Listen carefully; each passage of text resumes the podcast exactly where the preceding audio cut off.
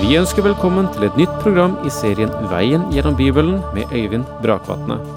Denne studieserien er produsert av P7 Kristen Riksradio og bygger på serien Through the Bible av Vernon McGee. I dag fortsetter vi med Johannes' åpenbaring.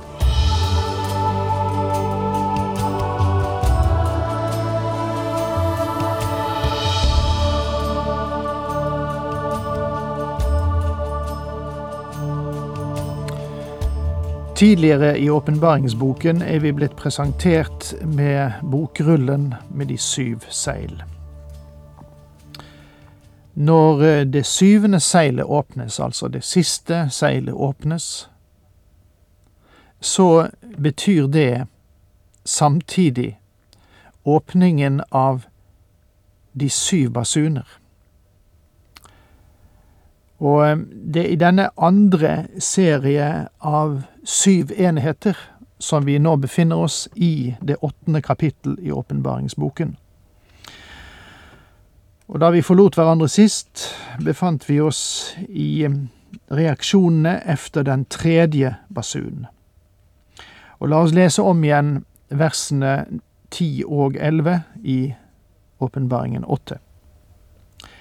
Den tredje engelen blåste i basunen. Der falt en stor stjerne ned fra himmelen, flammende som en fakkel, og den falt på tredjedelen av elvene og på vannkildene. Stjernens navn er malurt, og tredjedelen av vannet ble til malurt. Og mange mennesker døde av vannet fordi det var blitt forgiftet. Eh, jeg sa sist før vi skiltes at um, vår historie, vår samtidshistorie, forteller at uh, det er høyst mulig å forgifte en tredjedel av vannkildene på ett, to, tre. Tsjernobyl-ulykken har vist oss at det kan skje på kort tid. Så, så vi behøver ikke, vi, selv om vi har med åpenbaringsboken å gjøre, å gå så langt for å sannsynliggjøre at en hel del av det som snakkes om, allerede kunne ha hendt med det vi kjenner til av vår egen historie. Og derfor se ikke på dette i åpenbaringsboken bare som fantasiprodukter. Dette er reelle muligheter som allerede ligger i eh, menneskeslekten, i vår natur, eller som mennesket på et øyeblikk kan utløse, uten at Gud dermed nødvendigvis behøver å gjøre det.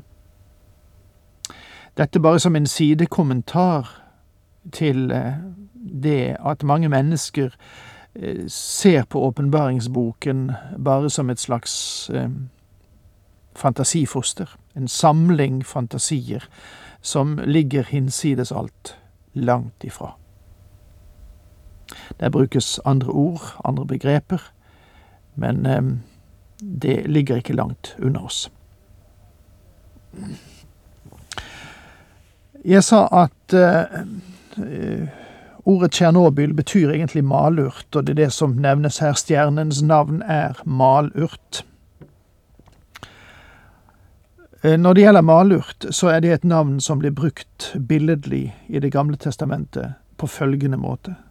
For det første, i forbindelse med Israels avgudsdyrkelse.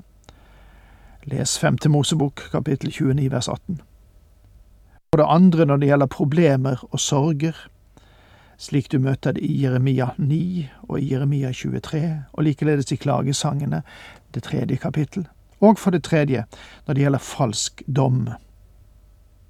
Amos gir oss et eksempel i kapittel 5 vers 7.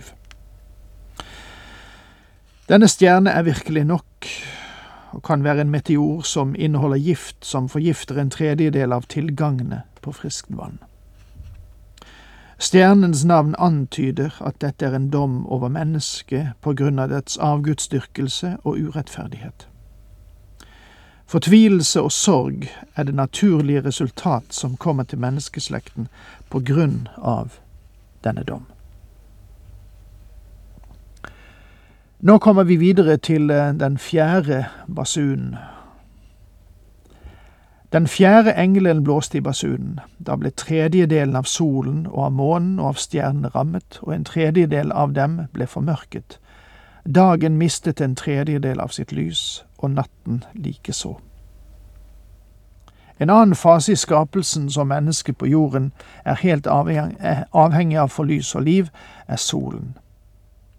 I mindre grad er mennesket avhengig av månen og stjernene. Det var på fjerde dag av skapelsen at disse himmellegemene dukket opp. De hadde vært skapt tidligere, men lyset brøt gjennom på den fjerde dag. Og nå slukkes lyset, for å si det slik, over en tredjedel av jorden. Gud tente disse lyskildene, det største for å lyse om dagen, og de mindre for å lyse om natten, og de skulle danne tegn og tider. Og denne Herre Jesus antyder at under den store trengsel ville disse himmelske legemer være spesielle tegn. Hva står det i Matteus 24, 29? Så snart denne trengselen er over, skal solen bli formørket og månen miste sitt lys. Stjernene skal falle ned fra himmelen, og himmelrommets krefter skal rokkes.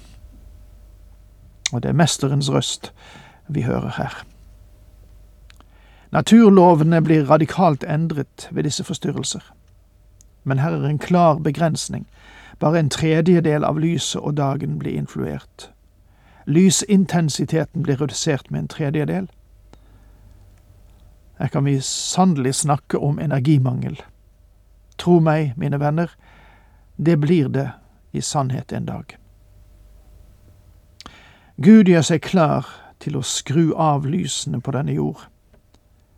Men Herren har gjort det klart, så lenge jorden står, skal sæd og høst, kulde og varme, sommer og vinter, dag og natt, aldri mer ta slutt, som det står i Første Mosebok kapittel 8 vers 22.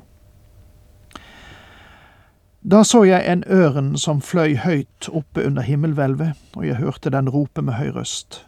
Ved, ved, ved over dem som bor på jorden, når de tre siste englene lar sine basuner lyde.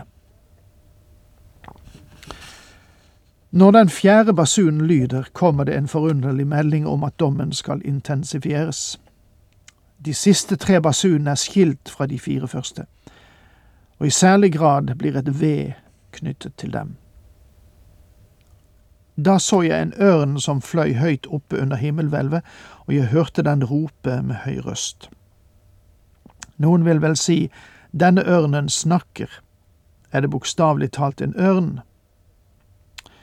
Mine venner, hvis Gud kan få en papegøye og flere andre fugleslag til å snakke, så tror jeg ikke han ville ha noen problemer med en ørn. Og, som en parentes, Biliams esel har jo talt i årtusener. Det er interessant å legge merke til at Herren brukte en ørn for å tale om sitt komme. Hvor åtselet er, sier han selv i Matteus 24-28, der skal ørnene samles. At man i den nye oversettelsen har oversatt det med gribber, skjønner jeg ikke noe av. Det må bare skyldes at åtsel og gribb i vår vanlige tenkning hører sammen, men for Bibelen betyr dette noe mer. Men alt dette kommer til å skje etter det store slaget ved Harmageddon. Ja, da får vi nok uh, gi oss med det åttende kapittel, tror jeg, og uh, raskt gå inn i kapittel ni her i denne fantastiske åpenbaringsboken. De siste tre trompeter er atskilt fra de andre fire og innledes med et vedrop.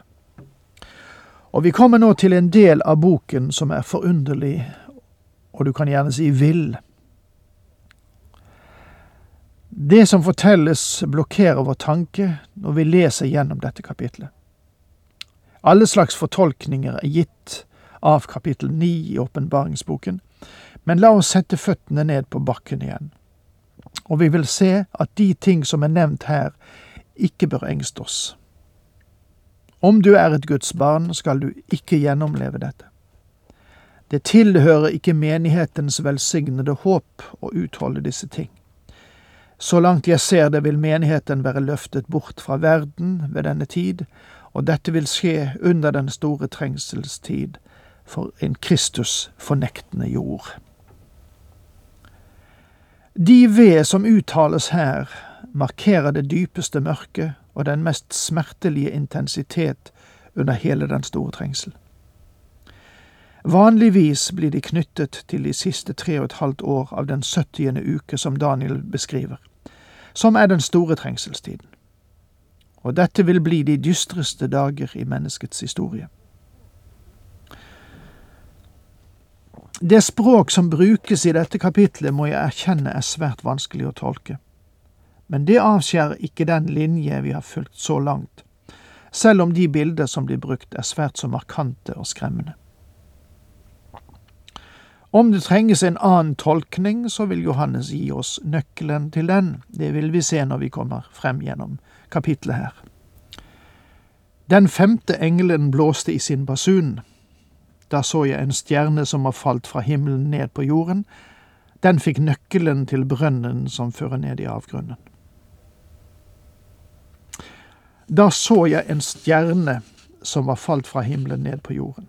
Vi har allerede sett to stjerner, og vi sa at dette bokstavelig talt var stjerner, eller meteorer, som falt på jorden. Men her har vi en annen type stjerne, som ble gitt en personbenevning. Derfor er denne stjernen forskjellig fra de stjerner som ble nevnt da den fjerde basun ga sitt signal.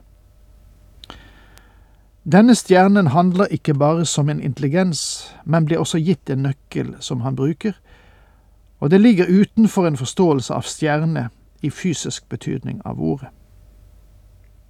Vi tror at denne stjernen er Satan. Ja, jeg flotter meg med uttrykket vi, men kanskje jeg bør si jeg. Noen har ment at stjernen er antikrist. Om det er slik, gir det støtte til det synspunktet at Antikrist er Satan i menneskeskikkelse, men det er vanskelig å tolke inn akkurat her. Men mitt poeng er at Antikrist er akkurat nøyaktig det. Han er alt Kristus ikke er, og han er motivert av Satan. Årsaken til å tolke denne stjernen som Satan er mange. For eksempel profetien hos Johannes der står det Og at du er falt fra himmelen, du morgenstjerne, daggryets sønn, at du er slengt til jorden, du som seiret over folkeslag. Jesaja 14, vers 12. Og i Lukas leser vi han, nemlig Jesus, svarte, Jeg så Satan falle ned fra himmelen som et lyn. Og det ville ligne en fallen stjerne, skjønner du. Og Paulus skriver også, Det er ikke noe undres over, for selv Satan skaper seg om til en lysets engel. Og Disse skriftstedene bekrefter det synspunktet, at det er Satan som er tenkt på her. Og dermed takk for nå, Herren med deg.